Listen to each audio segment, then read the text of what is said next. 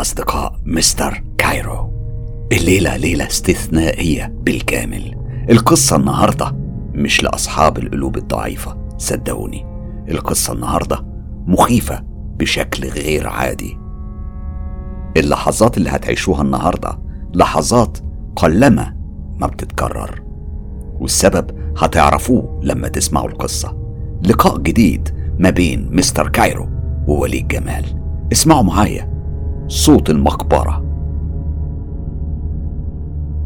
أصدقائي وأهلي وأسرتي وعيلتي الكبيرة عيلة مستر كايرو المبدعين. مساءكم جميل. وحشتوني كتير. أنا بقى عايزكم تركزوا معايا جدا علشان اللي هقوله مهم قوي اللي شفته في اليوم اللي هتعرفوه دلوقتي كان حاجة في منتهى الرعب. أنا مش هطول عليكم كتير. وهحكي لكم حكايتي. القصة بدأت لما اتصل بيا واحد من أعز أصحابي وطلب مني إني أروح معاه مكان خارج القاهرة علشان كان عايز يشتري فيلا بعيدة عن الوش والدوشة والزحمة بتاعة القاهرة. أهو منه يعني ما يكونش لوحده ومنه إن إحنا نقضي اليوم مع بعض. محدش يقول يعني واخدني معاه علشان أسليه علشان عيب كده.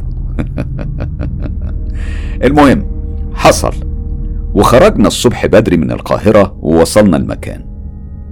من أول وهلة لازم تحس براحة غير عادية للهدوء الرهيب اللي كان موجود في المكان. شوية وظهرت قدامنا مدافن لكن واضح إنها كانت مدافن للأجانب لأن كان فيه مدافن عليها صلبان ومدافن عليها نجمة داوود ومدافن عليها هلال. بس كلها كان ليها طابع واحد بس هو إن يعني واضح إن المدافن دي محدش زارها من فترة طويلة جدا. تحسوا برغم إن المكان مفتوح بس التراب مغطي المدافن كلها وكأنها لسه طالعة من تحت الأرض حالا. بعد المدافن بحوالي 200 متر كان فيه فيلا ضخمة وفخمة جدا.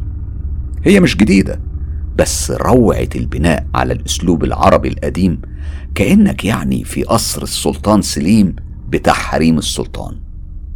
كمان كان في عربية جامدة آخر حاجة واقفة بره أنا قلت لأحمد صاحبي بهبل يعني واضح كده يا معلم إن الفيلا طارت. أصحاب العربية الجحدة دي أكيد خلصوا فيها. بص لي أحمد بابتسامة استخفاف وقال دي عربية السمسار يا غشيم. وساعتها جه في بالي سؤال مهم لما دي تبقى عربية السمسار أمال تمن الفيلا دي يبقى كام؟ أكيد مش أقل مثلا من 15 مليون جنيه. نزلنا من العربية ودخلنا الفيلا اللي ريحتها كأنها بستان من الورد الأحمر. سلمنا على السمسار اللي كان لابس بنطلون جينز وقميص جبردين وجاكيت زي بتاع البدلة كده بس كاجوال كان لافف على الرقبة بتاعته سكارف وفي إيديه كان لابس أنسيال ذهب لوحده يعني بتمن الصاغة كلها على بعضها. هنا لقيت أحمد بيقول بحماس وبيعرف السمسار بيا وبيقول له ده صاحبي الأنتيم وليد. وبعدين شاور على السمسار وقال ده على فكرة من أكبر رجال الأعمال في البلد. أنا هنا عرفت إن هو بيفخم فيه علشان تمن الفيلا. وقال هاني بعد السلامات والحاجات دي أنا سبتهم يقعدوا مع بعض ورحت أنا للجزء الإزاز. حيطة كاملة إزاز بتبص على مدخل الفيلا. وسامع ورايا هاني السمسار بيقول والله بخمسة مليون بس. مش ده بس اللي شد انتباهي حاجة أهم من كده شدت انتباهي. بره عربياتنا ما كانتش موجودة. كان المدخل والجنينة فاضيين تماما وكان في عربية بتقرب مننا من على الطريق ودخلت مدخل الفيلا ووقفت ونزل منها راجل ومراته وبنت صغيرة حوالي تسع سنين. وطفل تقريبا حوالي ثلاث سنين ونص أربع سنين. افتكرت إنهم ناس واخدين ميعاد زينا يعني علشان يتفرجوا على الفيلا. فبصيت ورايا علشان أسأل هاني بس ما كانش فيه هاني ولا حتى أحمد. وزي ما العربيات بره اختفت هما كمان اختفوا. أنا هنا فهمت إن في حاجة هتحصل محدش هيشوفها غيري. حضن الأب اللي عرفت بعد كده إن اسمه نادر أو دكتور نادر يعني حضن بنته وقال لها إيمي يا حبيبتي تحب تكون انت أول واحدة تدخل الفيلا الجديدة؟ ابتسمت له إيمي ابتسامة طفولية بملامحها الملائكية وهزت راسها بالموافقة وقالت أكيد أكيد يا دادي كان نادر ماسك المفتاح في إيديه فأخدته إيمي منه وجريت فتحت الفيلا هي وبيتهوفن القط الجميل بتاعها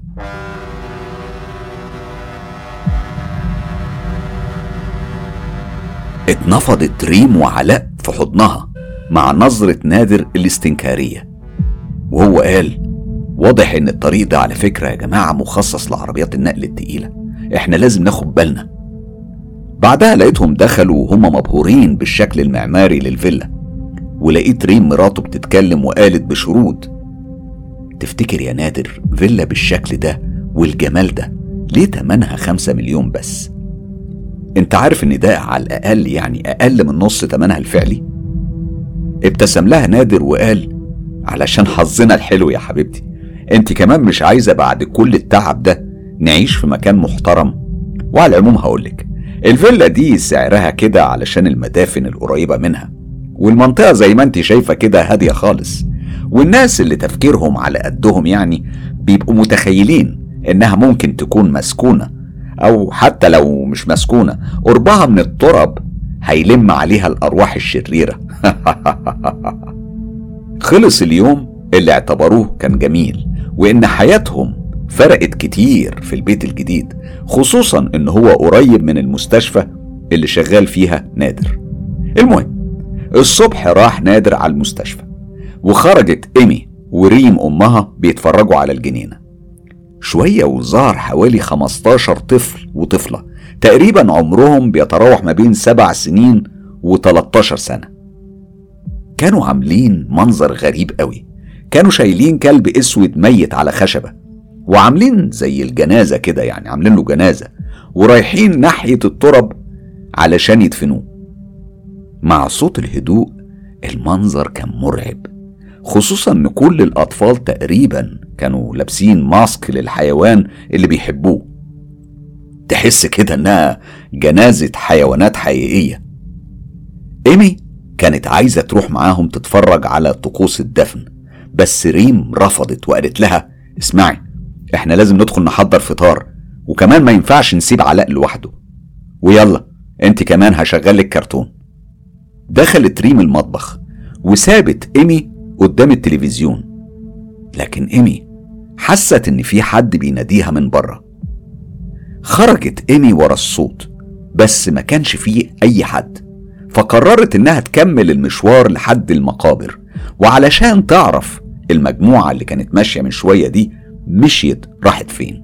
بعد ما مشيت جوه المقابر شوية كويسين لقت منطقة فاضية عليها شواهد قبور معمولة بالإيد من الخشب وعليها أسماء الحيوانات اللي مدفونة فيها. هنا إيمي حست بصوت تاني بينادي وبيقول لسه جوه شوية. بس للأسف بعد تربة الحيوانات كان فيه سور واضح إن وراه حاجة غريبة. هنا حاولت إيمي إنها تطلع السور وفجأة سمعت صوت بيقول لها بنت انزلي من عندك هتموتي. اختل توازن إيمي مع الصوت وقعت من على السور. بصت لمصدر الصوت بهلع. لقت راجل ضخم دقنه بيضة جدا. كان واضح إن هو فوق الستين سنة لكنه قرب منها بحنان حقيقي وقومها وهو بيقول لها ألف سلام عليك يا بنتي. أنا آسف بس أنت لو كنت وقعت جوه كانت هتبقى مشكلة كبيرة قوي أنا عمك ضياء حارس المقابر. اتلجلجت إيمي شوية وهي بتقول أصل أصل كان في أطفال موجودين هنا دلوقتي. شاور عم ضياء على شاهد معمول بالإيد محفور عليه اسم لولو وقال آه, آه كانوا بيدفنوا كلبة اسمها لولو. كانت كلبة جميلة. أصل أنا خصصت المكان ده للحيوانات لما الكلب بتاعي مات واضطريت إني أدفنه هنا. في اللحظة دي كانت ريم جاية بتجري بتدور على إيمي. كان المنظر بتاع عم ضياء فزعها جدا. شكله واحد كبير واقف مع بنتها الصغيرة وفي منطقة مقطوعة عمل لها فزع. لكن بسرعة إيمي اتدخلت وعرفت مامتها بعم ضياء. هنا قال ضياء لريم بحذر. ما تسيبيش إيمي تيجي هنا تاني. المكان هنا خطر زي ما أنت شايفة كده ومفيش غيرنا. ولو حد حصل له حاجة محدش هيقدر يوصل له. تفهمت ريم الموضوع واتأسفت وأخدت إيمي ومشيت في طريقها للرجوع للبيت. لكن بعد ما بيرجعوا إيمي كانت دماغها مشغولة باللي شافته وراحت تسأل باباها باهتمام. بابا هو هو ليه الحيوانات بتموت بسرعة؟ نادر رد عليها بجدية. وشه كان باين عليه علامات الاهتمام والحنية وقال لها يا حبيبتي كل كائن وله دورة حياة معينة. كل ما قل الجسم بتزيد دقات القلب وبيموت الجسم في فترة أسرع. إيمي حطت إيديها على ودانها كأنها مش عايزة تسمع وقالت له أنا ممكن أموت لو بيتهوفن حصل له حاجة. لاحظ نادر ملامح وش مراته وهي بتتغير مع كلامه عن الموت والحياة. فقام وأخد ريم ودخل بيها أوضة النوم وهو بيقول لها بحنان هو أنت لسه يا حبيبتي موضوع وفاة أختك ده وأنت طفلة لسه بيأثر فيكي؟ يا ريم أنا كنت متخيل إنك أقوى من كده. عيطت ريم وهي بتقول له بحزن شديد أنا عمري ما هقدر أنسى يا نادر أنا أنا لسه فاكرة لما كنت بطلع لها الأكل وهي المسكينة ما بتتحركش من على السرير.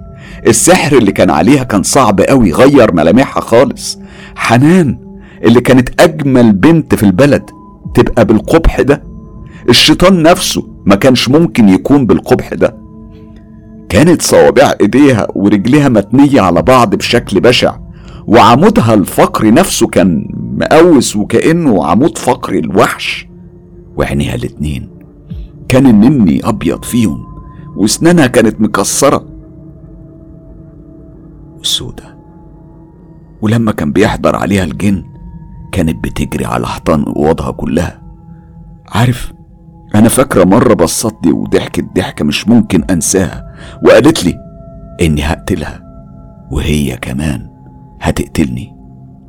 عيطت ريم بحرقة وكملت كلامها وقالت تخيل كل ده وأنا كنت لسه ما كملتش عشر سنين. يا نادر أنا كنت بموت كل يوم من تهديدها ليا. ومن صوت ضحكتها وخطوات رجليها على الحيطان. نادر أخدها في حضنه وقال لها اهدي بس يا حبيبتي خلاص الأيام دي انتهت وحنان الله سبحانه وتعالى يرحمها. هي ماتت من زمان وانت مش سبب السحر اللي حصل لها. انت يا بنتي كنت طفلة لا حول لك ولا قوة. بقولك إيه يلا بقى علشان ننام النهاردة كان يوم طويل وأنا كمان عندي شغل الصبح. وبالفعل دخلوا ناموا نوم عميق. تاني يوم الصبح نادر قام علشان يروح المستشفى. وبعد فترة وهو قاعد في عيادته هناك لقى الممرضة جاية بتدخل عليه ومعاها حالة طارئة لشاب دهسته عربية فرمت تقريبا نص جسمه اليمين بالكامل. وعرف إن الشاب ده اسمه عماد واتصاب في حادثة في الجامعة. عماد كان خلاص تقريبا بيلفظ أنفاسه الأخيرة. نادر على طول صرخ في فريق التمريض كله علشان يحضروا الدم ويجيبوا جهاز انعاش القلب ويستعدوا لحالة الطوارئ. وهنا الممرضات كلهم خرجوا بسرعة من أوضة الطوارئ اللي سابوا فيها نادر لوحده تماما. وهنا شاف نادر مخ عماد وهو مفتوح ونصه سايح على وشه وكان بيشهق شهقته الأخيرة. حاول نادر المستحيل إنه يساعده بكل الطرق لكن عماد كان خلاص مات. ظهرت علامات الحزن المختلطة باليأس على وش نادر وهو بيبعد عن جثة عماد. كان إحساس الذنب هيموته. لكن حصل حاجة نادر ما كانش عامل حسابها ولا متوقعها أبدا لأن بعد لحظات قامت جثة عماد المشوهة من مكانها. كان نص الفك السفلي مكسور ومدلدل على صدره. وكان بيقول جملة غريبة ومش مفهومة. دكتور نادر اسمعني. انت هتكسر الحاجز بين الموت والحياة. استغرب قوي نادر من الجملة وهنا رجع عماد عبارة عن نافورة دم في وش نادر اللي اترمى على الأرض وهو بيصوت وفي اللحظة دي دخلت عليه الممرضة وهو في الوضع الصعب ده. لما فتح نادر عينيه لقى جثة عماد مكانها. فقال للممرضة وهو لسه على الأرض بلغي الشرطة إن الشاب اللي جه في الحادثة مات. نادر اليوم ده روح وهو مش مستوعب إيه اللي حصل معاه. هو كان هيتجنن ويعرف إزاي عماد عرف اسمه. وهو في عز الانشغال والتفكير خرجته إيمي من الحالة اللي هو فيها دي وقالت له من فضلك يا بابا ممكن أعزم عم ضياء على العشاء معانا؟ نادر بص لها بصة قليل الحيلة وقال لها إنه موافق وطبعا هو كان صعب يرفض لأنه كان بيحب إيمي جدا. إيمي ما صدقت إن باباها وافق وراحت طالعة تجري وهي الفرحة مش سايعاها على بيت جارهم ضياء. وهناك بلغته إن أهلها عازمينه على العشاء في الميعاد اللي حددوه وصل عم ضياء البيت عندهم. واتعرف على نادر. وهم قاعدين بيتعشوا. نادر سأله باهتمام. بس انت يا عم ضياء مش باين عليك انك تربي خالص. رد ضياء وقال له بص يا دكتور نادر أنا أصلا مش تربي ولا عمري كنت تربي. أنا كنت باحث في علم الأحياء. بس للأسف مراتي اللي كنت بحبها أكتر من نفسي ماتت فجأة بمرض نادر. ما قدرتش بصراحة أبعد عنها. فجيت وبنيت ليا أوضة جوه المقابر على الأرض بتاعتي ومن ساعتها والناس بتعتبرني تربي أنا بصراحة مش حابب أشرح لحد وضعي فبرضى وأقول خلاص تربي تربي المهم أفضل جنب أحلام مراتي. بعد السهرة الطويلة اللي اتكلموا فيها في كل حاجة تقريبا عم ضياء استأذنهم إنه يروح لأن الوقت اتأخر. وقاموا وودعوه وطلبوا منه إن هو لازم يكرر الزيارة. بعد ما قفلوا الباب ريم قالت لنادر راجل طيب صعب عليا قوي. هنا نادر ضمها عليه وطبطب على كتفها وطلعوا علشان يناموا علشان طبعا كان عنده شغل الصبح. لكن وبعد ما راحوا في النوم ظهر عماد في الأوضة.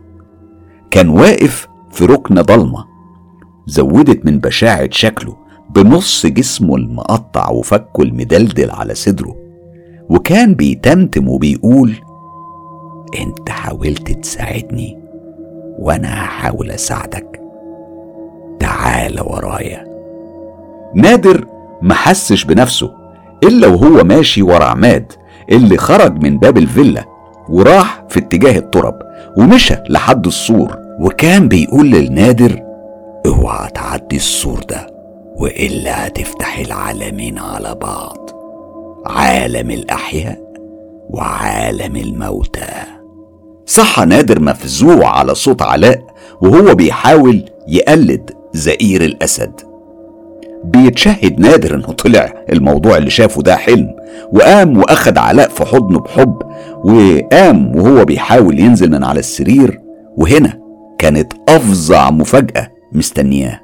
السبب إنه لقى رجليه كلها طينة من المقابر. وعلى طول رجع خبى رجليه تحت الغطا علشان ريم اللي كانت داخلة ما تشوفهاش.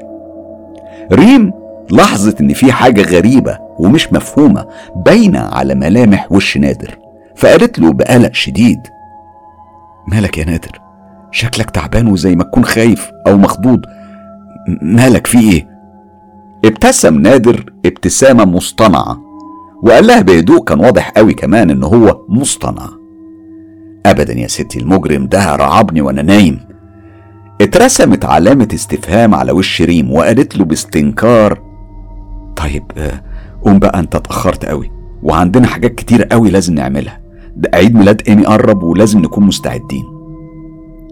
قام نادر ونزل الجنينة وهناك لقى إيمي بتلعب مع أصحابها وفجأة وبدون سابق إنذار ظهر عم ضياء بشكله المرعب من العدم. هنا اخد نادر كام خطوة لورا بعيد عن الأطفال وقال له يا ضياء باشا بلاش الأسلوب المرعب ده قدام العيال أنت رعبتني أنا ما بالك بالعيال. رد عليه ضياء بعدم اهتمام تعال ورايا هوريك حاجة. مشى نادر ورا ضياء لحد الطريق السريع وهناك اتصدم بمنظر بيتهوفن القط بتاع إيمي كان عبارة عن كتلة لحمة مفرومة. كل ملامح الحزن اترسمت على وش نادر وقال لعم ضياء يا نهار أسود ده لو إيمي عرفت هتموت فيها. رد عليه عم ضياء بهدوء بص أنا هشيله عندي لحد بالليل ولما تجيلي نبقى نروح ندفنه سوا. وبقول للإيمي إن بيتهوفن هرب. رجع نادر للبيت وعلى وشه كل علامات الأسى. ريم شافته ولاحظت إن هو مش طبيعي. كان واضح إن في حاجة رهيبة حصلت. فقالت له بقلق مالك يا نادر؟ هو أنت كل يوم شكلك بيكون أصعب من اليوم اللي قبله ليه؟ فيك إيه بقى؟ كفاية أسرار. رد عليها نادر وهو بيقعد على طرف السرير وكأنه بيقع وبيرمي بحموله عليها. وقال لها وهو باصص في الأرض بيتهوفن عربية دهسته. ريم حاولت تتماسك وتمسك دموعها وحطت ايديها على بقها قبل ما صوت صرخة مخنوقة تهرب منها وبعدين اتكلمت بصوت بيرتعش وقالت له انت عارف خبر زي ده هيكون تأثيره إيه على طفلة حساسة زي ايمي؟ رد نادر بأسى معتاد وقال لها بس بس هي لازم تعرف انت متخيلة انها مثلا مش هتسأل عليه عادي كده؟ ريم كانت بتبكي بحرقة وهي شاردة وقالت له مستحيل مستحيل. أنت عارف لما أختي ماتت أنا كنت لوحدي معاها في البيت. أبويا وأمي سابوني معاها لوحدي وأيامها كان لازم أحط لها الأكل على باب الأوضة علشان لو جاعت وكانت بتنزل بشكلها البشع. وحضور الكائن الشيطاني اللي كان ساكن جسمها ده كان ممكن يموت أي حد في البيت. تخيل. أنا كنت طفلة عندي عشر سنين ويوميها خفت أطلع أحط لها الأكل على الباب فسبت الأكل على السلم ونزلت استخبيت في المطبخ. لما سمعت بره صوت وحش بيتحرك خطوات رجله كانت بتزلزل جدران البيت لدرجة إني نزلت تحت ترابيزة المطبخ وكنت سامع صوت أنفاس الكائن ده بتقرب مني وهي بتنزل على السلالم. صوت رجل وإيد في نفس الوقت مع أصوات مختلفة ما بين أنفاس وزئير. وبعد دقايق عدت عليا زي ما تكون سنين. كان في صمت تام. أنا اترعبت خصوصا إني سمعت صوت جسمي بيتحدف من فوق السلم. طلعت أجري من المطبخ لقيت حنان متكومة زي ما أنت قلت كده على بيتهوفن. ورقبتها كانت مكسورة وجسمها متني مرتين على بعض. العمود الفقري كان مكسور نصين. رجليها المفوفة رجليها الملفوفة على بعض نازلة جنب راسها اللي كانت اتقطمت ومحطوطة على الأرض بصالي ولقيتها بتقولي أنت قتلتيني. وهنا انهارت ريم من البكاء والندم. على طول أخدها نادر في حضنه وهو بيقول لها أنا آسف يا حبيبتي آسف جدا إني فكرتك. بصي خلاص خلاص أنا هقول لإيمي إن بيتهوفن هرب لما وصل نادر للمقابر اللي كان مستنيه عند مدخلها عم ضياء ومعاه جثة بيتهوفن في كيس أسود. بدأوا يتحركوا مع بعض لحد ما وصلوا للمكان اللي بيدفنوا فيه الحيوانات. وهناك إدى ضياء لنادر جاروف يحفر بيه. نادر مع كل ضربة جاروف كان بيتحسر على حال إيمي لما تعرف إن بيتهوفن هرب. في نفس الوقت اللي ضياء كان سامع فيه صوت. أيوة. ضياء كان بيسمع صوت المقبرة. صوت جاي من المقبرة اللي ورا السور. بينادي باسمه.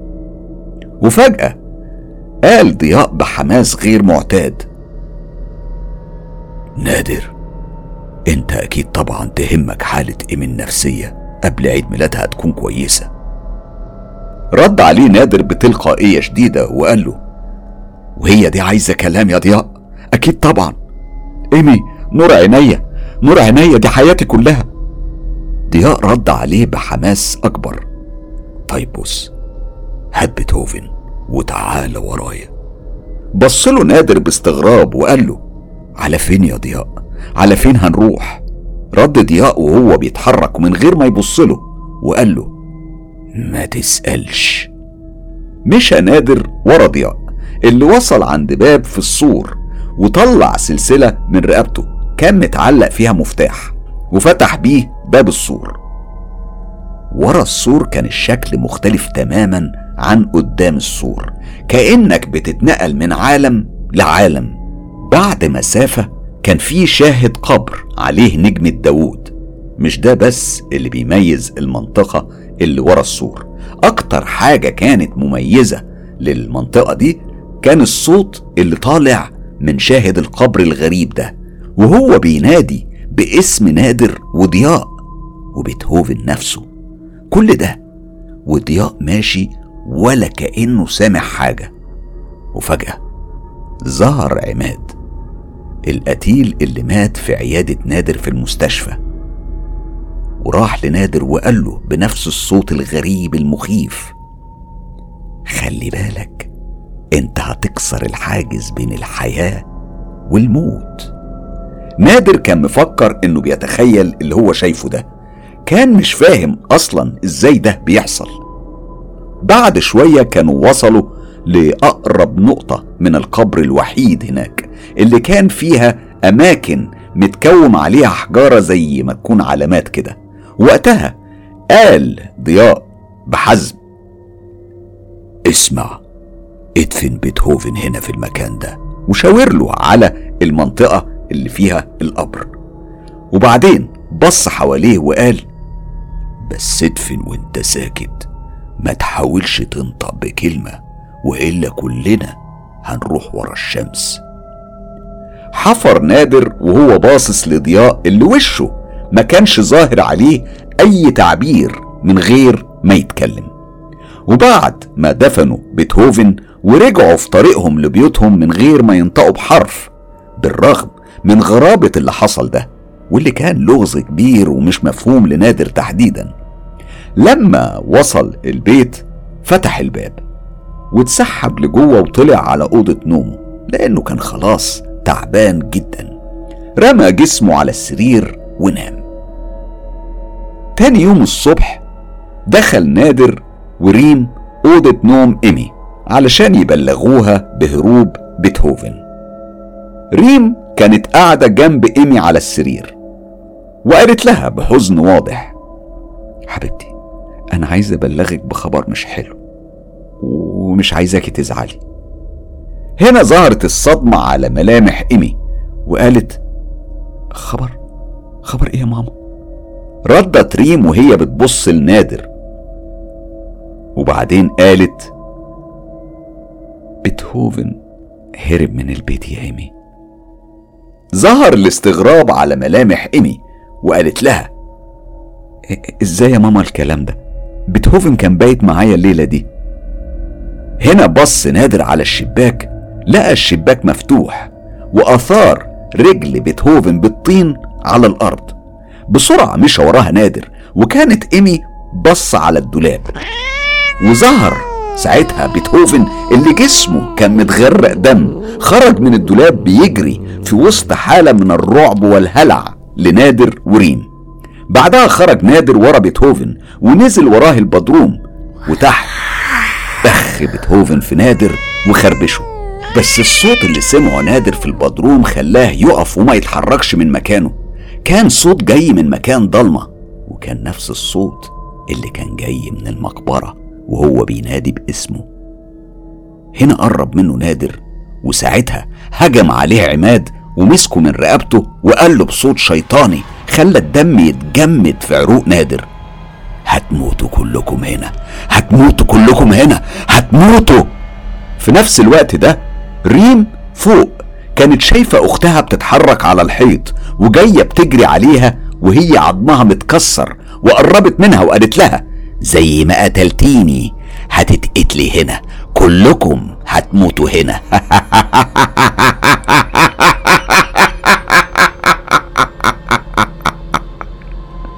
جريت ريم على تحت. في الوقت اللي نادر كان طالع فيه من البدروم. هي كانت بتصرخ وبتعيط ومنهارة. لما لقته قدامها اترمت في حضنه وهي بتقول له إحنا لازم نمشي من هنا. أرجوك يا نادر أنا كارهه المكان ده أنا مش قادرة مش قادرة أكمل هنا ابدا. رد عليها نادر بصوت كان واضح فيه نبرات الحزن. حاضر يا حبيبتي بس ادينا فرصة يعني نخلص عيد ميلاد إيمي ونمشي. بصي يعني هي كلها يومين إن شاء الله يومين بس ونمشي من هنا خالص. قالت له ريم بتساؤل هو أنت مش قلت إن بيتهوفن مات وإن أنت دفنته؟ رد عليها نادر وهو بيحاول يتهرب من كلامها. جايز يكون عنده إغماء وأنا افتكرته ميت يا ريم. عادي بتحصل. رجعوا بعد كده على أوضة النوم. وهناك اترعبوا من الصدمة. بيتهوفن كان بينهش في رقبة غراب. الطائر المسكين كان لسه عايش وبيفرفر. بعد المشهد المفزع ده قرر نادر إنه لازم ينزل يروح لضياء ويفهم منه إيه الألغاز دي كلها وإزاي كل ده بيحصل. وازاي القط بتاعهم رجع للحياة بعد ما دفنوه. أول ما دخل نادر أوضة ضياء قال له بعصبية أنا عايز أعرف إيه اللي حصل بالظبط. رد عليه ضياء بهدوء أنت قلت لي إن إيمي ممكن تعمل في نفسها حاجة وأنا بصراحة خفت عليها فقلت أساعدكم وكمان أخليها تقضي عيد ميلادها في سعادة يعني. رد عليه نادر بعصبية أكتر وقال له ده مش تفسير يا ضياء ما تستهبلش عليا. أنا عايز أعرف إزاي كائن يموت ويرجع للحياة. رد عليه ضياء ببساطة وقال له أصلك مش هتصدقني لما اقولك إن أنا نفسي معرفش كل ما في الموضوع إن لما مات الكلب بتاعي أنا سمعت نفس الصوت اللي أنت سمعته معايا النهارده. وكان الصوت بيقول لي ادفن الكلب هنا. ساعتها ما كانش فيه السور. السور ده أنا اللي بنيته وتاني يوم لقيت الكلب نايم مكانه. أيوه هو اتغير كتير لكنه رجع. وأنا قلت يمكن لأنه أصلا كانت روحه شريرة. بس كده بقى واضح إنها صفة لكل كائن بيندفن هناك في التراب بتاعت اليهود دي. أنا بجد حاولت أوصل لأي معلومة معرفتش غير قصة واحدة. وهي إن القبر ده كان لأكبر ساحر يهودي في التاريخ كله. على العموم بص أنت قدامك حل واحد بس. أنت لازم تسم بيتهوفن. اديله حقنة سم واخلص منه قبل ما يعمل فيكم حاجة مش كويسة. رجع نادر للفيلا تاني وحضر بالفعل حقنة سم. وقدر يسيطر على بيتهوفن اللي قطع إيد نادر بضوافره. وكان خلاص نادر كان خلاص هيضرب الحقنة فيه لكن وقتها لقى بيتهوفن بيرجع لطبيعته تاني. هنا صعب عليه وقرر إن هو يسربه على الطريق السريع. وقد كان. بعدها رجع نادر علشان يلحق الاحتفال بعيد ميلاد إيمي اللي كانت زعلانة جدا. على خبر هروب بيتهوفن. بعد ما طفت الشمع قامت تلعب استغماية مع أصحابها. راحت إيمي علشان تستخبى ورا الشجر اللي على الطريق. فلمحت بيتهوفن جاي من بعيد. طلعت تجري إيمي عليه من كتر فرحتها. وهنا قعد بيتهوفن في نص الطريق السريع اللي قدام البيت. فاضطرت تروح تقعد جنبه. في نفس اللحظة دي كانت جاية عربية مقطورة. سواقها متعود على إن الطريق ده دايما فاضي يعني منطقة مقطوعة. وكان السواق مش مركز وبيغير في محطة الراديو. في نفس اللحظة دي طلع علاء أخوها يجري عليها علشان يلعب معاها هي والقط. نادر كان واقف في نص جنينة الفيلا ولمح المشهد والعربية خلاص هتفرم علاء. طلع نادر يجري بكل قوة وقدر يوصل لعلاء اللي السواق اتفاجئ بيه على الطريق. فضرب فرامل فجأة خلت العربية تتقلب على الطريق. أنقذ نادر علاء بس الموضوع ما انتهاش على كده. العربية اتجهت بكل سرعتها وقوتها وحجمها على إيمي اللي كانت قاعدة في نص الطريق في اللحظة اللي هرب فيها بيتهوفن وكأنه أدى مهمته على أكمل وجه. وهنا الزمن كله بيقف. الكرة الأرضية نفسها توقفت عن الدوران. وبتعدي الثواني مع آخر دقات لقلب إيمي. الثواني عدت وكأنها سنين طويلة. وفجأة الدنيا كلها بتسود في عيون كل الناس. إيمي الملاك الجميل بدل ما تعدي لسن العشر سنين عدت من عالم الأحياء لعالم الموتى. كل الناس اللي احتفلوا بعيد ميلادها هم اللي حضروا دفنها. في وسط انهيار كامل من نادر وريم وفي مراسم دفن الملاك إيمي أخد نادر قرار حاسم وحازم وهو بيبص لضياء اللي فهم من نظرته هو ناوي على إيه؟ تمام كده. هو كان ناوي يدفن إيمي عند مقبرة الساحر اليهودي. بعد العزا قررت ريم إنها تروح بيت أبوها علشان خلاص ما كانش هتقدر تستحمل تعيش من غير إيمي وفي نفس المكان اللي ماتت فيه. نادر فهمها إن هو هيستقيل من المستشفى وهيحصلها عند أبوها. روح نادر في نفس يوم العزا وفضل يراقب ضياء لحد ما اتأكد إن هو نام وراح سرق مفتاح باب السور. رجع نادر لمدفن إيمي وحفر وطلع جثتها بعد نص الليل. وهنا كانت أول مرة يشوف ملامحها اللي شوهها التصادم مع المقطورة كسور في الوجه كفيلة إنها تحول وش الملاك ده لمسخ بشع. المهم شالها نادر وكان سامع صوت المقبرة بتناديه. فتح نادر باب السور وراح لحد قبر الساحر اليهودي اللي شم منه ريحة كانت قذرة تكاد تكون خارجة من ألف قبر. بدأ يحفر نادر برغم المعاناة والتعب ودفن إيمي قدام قبر الساحر. اتنفض نادر لما شاف مصدر الصرخة وهي خارجة من حنجرة عماد المقطوعة. وهنا عماد قال له وهو بيبص له بغضب شديد جدا برغم إني حذرتك كتير لكن برضه مفيش فايدة. أنت العناد راكبك وجبت لنفسك ولعيلتك. لعنة ملهاش حل. الحل الوحيد دلوقتي هو الدم. موتك وموت كل حد تعرفه. نادر كان في حالة ذعر شديدة ما كانش عارف هو إيه اللي بيحصل له وإزاي عماد ده بيظهر له بالشكل المخيف قوي ده. هرب نادر بالعافية من قدام عماد وقفل باب السور ورجع يتسحب تاني عند ضياء ورجع المفتاح.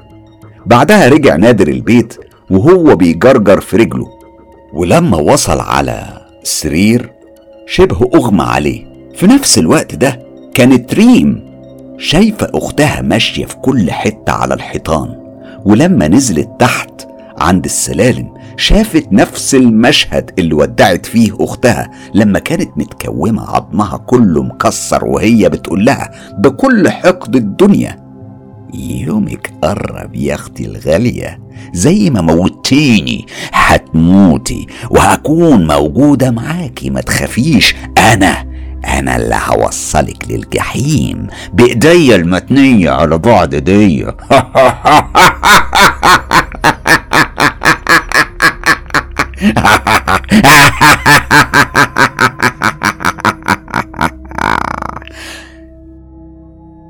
قلق نادر قبل شروق الشمس وحس بحركة في البيت. وهنا شاف قدامه بيتهوفن قاعد على الشباك. بس الشيء الغريب إن كان لسه في حركة في البيت. هنا قام نادر يمشي بحذر على أوضة إيمي بنته.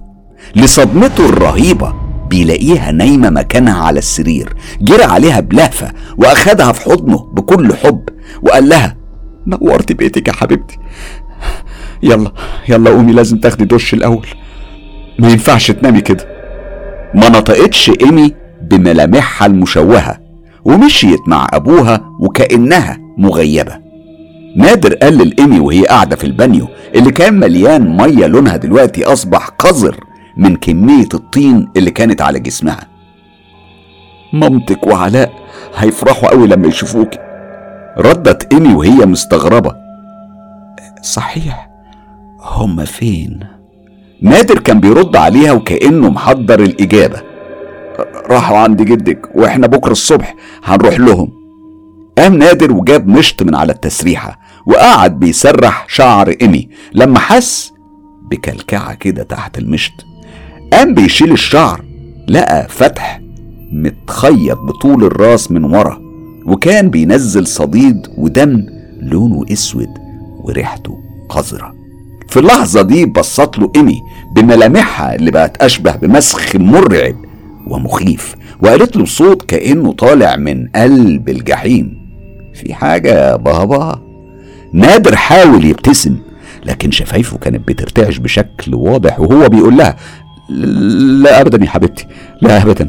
وكمل علشان يخلص من النظرة دي وهو بيقول لها يلا بينا يلا بينا عشان تنامي بقى. وبالفعل حط نادر إيمي في السرير في نفس الوقت اللي التليفون ضرب فيه. وكانت ريم هي اللي بتتصل. بسرعة رد عليها بصوت واطي عليها عشان إيمي يعني ما تسمعش. وفجأة اترسمت على وشه علامات الهلع. لما سمع ريم بتقول له إن علاء مرعوب من أول ما سابوا البيت وإنها سمعاه بيكلم واحد اسمه عماد. وبرغم الرعب اللي كان فيه نادر بس قال لها بهدوء إنها لازم تحاول تلعبه.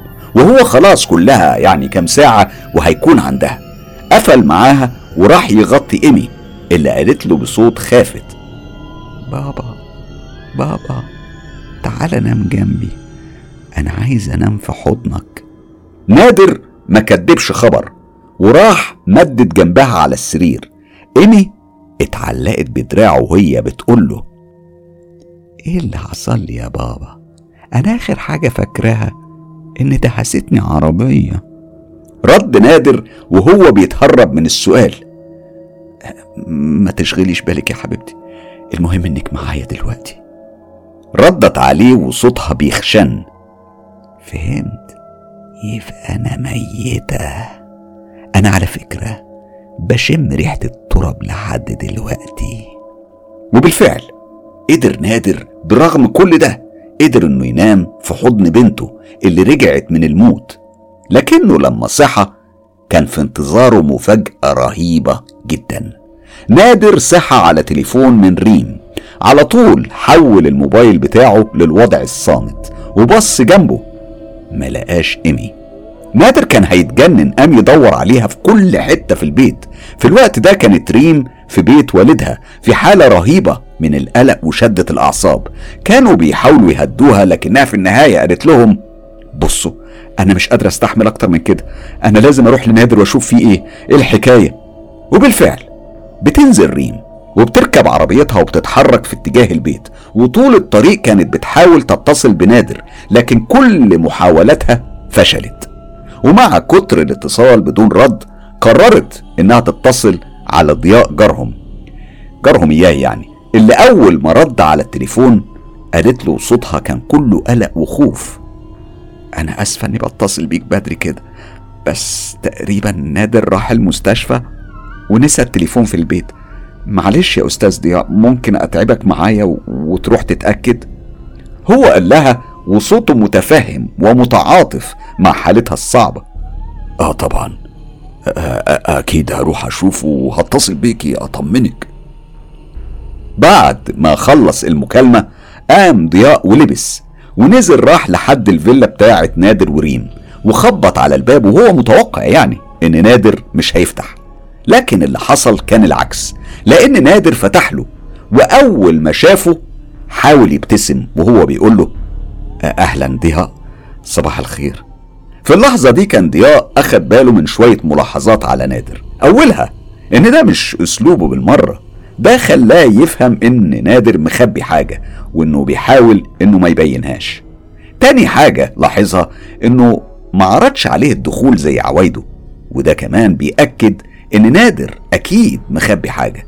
تالت حاجة ضياء كان متأكد إنه شاف ظل بيتحرك جوه البيت. أما رابع ملاحظة إن إيد نادر كان لسه عليها آثار الحفر من الليلة اللي فاتت. فبص لنادر وقال له بود آه ريم قلقانة عليك جدا أصلها حاولت تكلمك كتير وأنت ما بتردش. كويس إنك بخير. على العموم بص هي جاية في السكة دلوقتي. وبعدين بص لنادر بصة كلها حزم وقال له أتمنى يا نادر ما تكونش عملت حاجة تندم عليها. رد فعل نادر وقتها كان غير متوقع. ابتسم ابتسامة كانت غامضة قوي. وحاول يخبي وشه بأنه قعد يبص حواليه وهو بيتكلم وكان بيقول بصوت مرتبك. لا لا لا ما تقلقش. مفيش حاجة خالص. أنا أنا بس مجهد شوية. ضياء بص له تاني وعينيه كانت فيها نظرات شك وحيرة من اللي بيسمعه ومشى كام خطوة لورا وبص على الدور التاني. وهنا شاف إيمي واقفة ورا الشباك. حاجة كده يعني زي ما تكون بتعلن عن وجودها في البيت.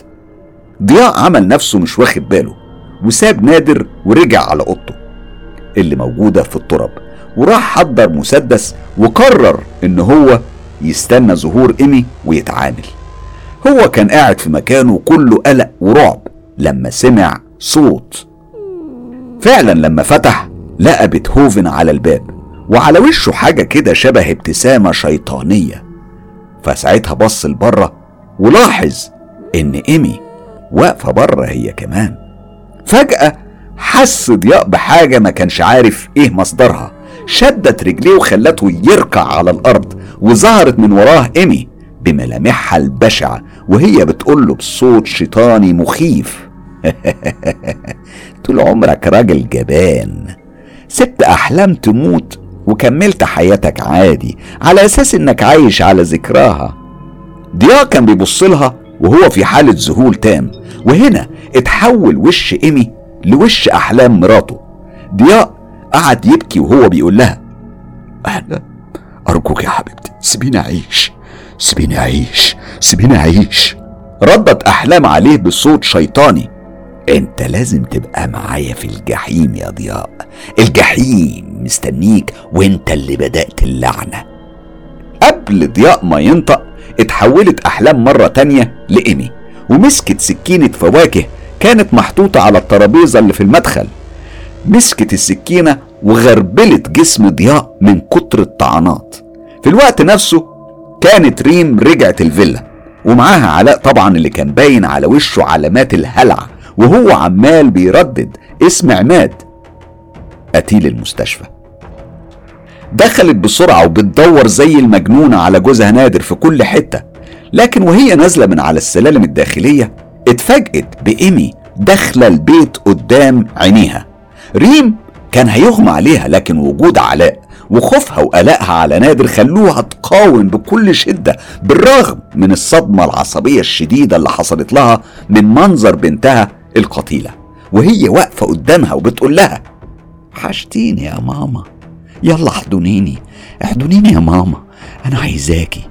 وقبل ما تستوعب الصدمة الرهيبة والمشهد المفزع سمعت صوت نادر جاي من ركنة في الصالة وهو بيقول لها ببساطة. احضني بنتك يا ريم. إيمي رجعت. ريم ما قدرتش تستحمل أكتر من كده وصرخت في وشهم كلهم وهي في حالة انهيار شديد. رجعت. رجعت منين؟ نادر قال لها أنا هشرح لك كل حاجة ما تقلقيش. لما هتفهمي هتستوعبي كل اللي بيحصل. المهم إني قدرت أرجع عيلتنا تاني. وبصوت متهدج ومرتبك بدأ يتكلم وقال بصي أنا اكتشفت مكان قريب من هنا.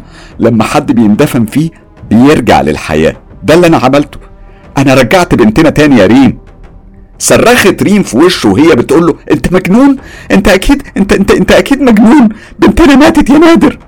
في اللحظة نفسها كانت إيمي بتجري في اتجاه أمها بتحاول تحضنها بالقوة لكن ريم زقتها بعيد عنها وهي بتصرخ فيها وبتقول دي أنا معرفهاش واخدت في بعضها وطلعت تجري على فوق وكان في حضنها علاء اللي كان لازال منهار من العياط وهو بيبص على أبوه وأخته. نادر طلع يجري وراها وهو بيقول لها بعصبية يا ريم اهدي بس اهدي وحاولي تفهمي. انت كده هتكسري قلب البنت. هنا ريم ما قدرتش تمسك نفسها وصرخت في وشه بمنتهى الحدة. انت بجد اتجننت يا نادر. يا نادر فوق انت دكتور امي ماتت. نادر بص لها بهدوء. عينيه كانت عاملة كأنه منوم مغناطيسيا. أيوه بس أنا رجعتها وهي عايشة ما بيننا أهي. ريم صرخت فيه تاني بعلو صوتها ووشها كان في حالة غضب رهيبة وقالت له يا نادر يا نادر اللي بيموت ما بيرجعش تاني فاهم يا نادر؟ ما بيرجعش تاني. شوف المسخ الشيطاني ده انت جبته منين؟ دي مش بنتي. وهم بيتخانقوا نادر سمع باب الفيلا بيتفتح فبينزل جري وساعتها هو كان خمن إن إيمي أكيد سمعت كلامهم واتضايقت وجريت وخرجت رجعت للمقابر. نادر كان دخل في حالة كده يعني شبه الجنون الكامل وساب مراته وابنه وطلع يجري على الترب يدور عليها. لكن اللي حصل كان مش متوقع ولا حتى خطر على باله لأنه بمجرد ما فتح باب الفيلا وخرج. كانت إيمي لسه جوه الفيلا وراحت سحبت أكبر سكينة من المطبخ وبدأت تتحرك في اتجاه السلالم علشان تقتل ريم. ريم لما سمعت صوتها جريت وقفلت الباب وحطت وراه ترابيزة. بس للأسف ايمي أو المسخ يعني اللي كان راكب جثة ايمي كان أقوى من توقعات ريم لدرجة إنها قدرت تكسر نص الباب بإيديها الضعيفة. نادر بقى لما وصل عند أوضة ضياء في الترب اتفاجئ بضياء مرمي على الأرض ومتشرح بطريقة بشعة. وقتها فهم نادر اللي كان فايت عليه. وتأكد إن ريم وعلاء في خطر حقيقي. فبسرعة رجع على الفيلا جري. لما وصل للفيلا شاف أغرب وأرعب مشهد كان ممكن يتخيله في حياته كلها. ريم كانت منزلة جسم علاء كله من الشباك علشان تهرب من مسخ إيمي اللي كان كسر تقريبا الباب كله. وأول ما ريم شافت نادر صرخت برعب شديد وقالت امسك علاء يا نادر. امسك علاء إيمي إيمي كسرت الباب. لكن ما لحقتش تكمل الجملة وشهقت شهقة قوية من تأثير السكينة اللي قطعت كليتها. وهنا ايديها ثابت علاء لكن من حسن الحظ إن نادر قدر يلحقه من تحت وجرى وحطه في العربية وقفل عليه. في نفس الوقت اللي إيمي كانت بتعذب ريم بضرب السكينة كذا مرة في كليتها ووشها كان بيتحول لوش حنان أخت ريم وكانت بتقول لها مش قلتلك هموتك زي ما موتيني على ما وصل نادر عند ريم كانت إيمي اختفت. وللأسف ريم كانت خلاص بتطلع في الروح. واسمعها وهي بتقول اوعى يا نادر تدفني في الأرض الملعونة دي. أرجوك أستحلفك بالله يا نادر. نادر كان بيبص لها وهو مش مصدق اللي بيحصل. الدموع كانت ملت عينيه وصوته كان بيتحشرج وهو بيصرخ وبيقول لها ريم ريم. ما تروحيش يا ريم. ما تروحيش يا ريم. لكن للأسف ريم روحها طلعت وهي بين إيديه. نادر كان بيموت في اللحظة دي ألف مرة وهو ماسكها بين إيديه وبيبكي عليها بحرقة. بعدها نادر مددها على الأرض وراح نايم جنبها وهو بيبكي بكى فيه أسى وألم عميق جدا. وهو في عز ألمه ووجعه غمض عينيه. كان بيحاول يفتكر شكل ريم وشكل أسرتهم الجميلة قبل ما يعيشوا الكابوس الأسود ده. وهنا اتضرب بكرسي بمنتهى القوة على دماغه لدرجة إن الكرسي اتكسر عليه. واسودت الدنيا في عينيه وراح في غيبوبة اللي ضربه كان الكيان اللي كان راكب جثة إيمي. بعد ما اتأكدت إن هو أغمى عليه راحت تسحب جسم ريم وأخدتها واتحركت بيها وهي بتجرها لحد ما وصلتها عند قبر الساحر اليهودي ودفنتها هناك. لما نادر فاق كانت صدمته خيالية لما اكتشف إن جثة ريم مراته مش موجودة جنبه. على طول قام وطلع يجري على الترب ولما وصل قبر الساحر اليهودي تحديدا سمع صوت بس المرة دي مش صوت المقبرة ده كان صوت إيمي وهي بتقول له أنت اللي بدأت اللعنة دي. إحنا كلنا مصيرنا الجحيم علشان مفيش جنة أصلا. نادر كان بيبص لها والنار بتطق من عينيه من كتر الغضب الرهيب اللي كان حاسه. لكن هي ما استنتهوش ولا استنت رد فعله دي هجمت عليه ولا الحيوان المفترس وكانت بتاكل حتة من رقبته. لكن نادر اتمكن منها وقدر يمسكها من رقبتها وقلبها قدامه ومسك الجاروف اللي كان بيحفر بيه وكان خلاص هيفصل رقبتها عن جسمها. لكن في نفس اللحظة دي وش المسخ؟ اتحول فجأة لوش إيمي الوش الملائكي المعتاد بتاعها قبل الحادثة. لكن نادر قال لها بمنتهى الغضب لا انسي انت مش هتخدعيني تاني ابدا. ولسه بيشير رجله علشان يفصل راسها عن جسمها اتفاجئ بسيخ خارج من صدره. عينيه برقت من الصدمة العنيفة والرهيبة ووقع على الأرض جثة هامدة. ومن وراه ظهرت ريم ووشها كله كان دم. مع ظهور أول خيوط النهار ظهر نادر وريم وإيمي جايين من عند الترب وكانوا رايحين في اتجاه العربية. ولما وصلوا هناك فتح نادر باب العربية على علاء وذبحه بشكل رهيب. علاء آخر كلمة قالها ليه يا بابا؟ يا بابا ليه؟ أحمد يا أحمد قوم بسرعة. هنا جرى عليا أحمد صاحبي وقال لي بإحراج إيه يا ابني أنت اتجننت ولا إيه؟ أنا قلت له إحنا لازم نمشي من هنا حالا. بصلي باستغراب وقال لي أنت أكيد اتجننت. قلت له وأنا بتحرك. اللي حصل هنا شيء بشع يا أحمد. أنا ماشي. طلع يجري ورايا وركب ورايا العربية. وإحنا ماشيين نط قط على كبوت العربية. أكيد طبعا. أنتم عارفين مين ده. أيوة هو بيتهوفن. بصيت في مراية العربية كانت إيمي ورانا ومعاها سكينة المطبخ.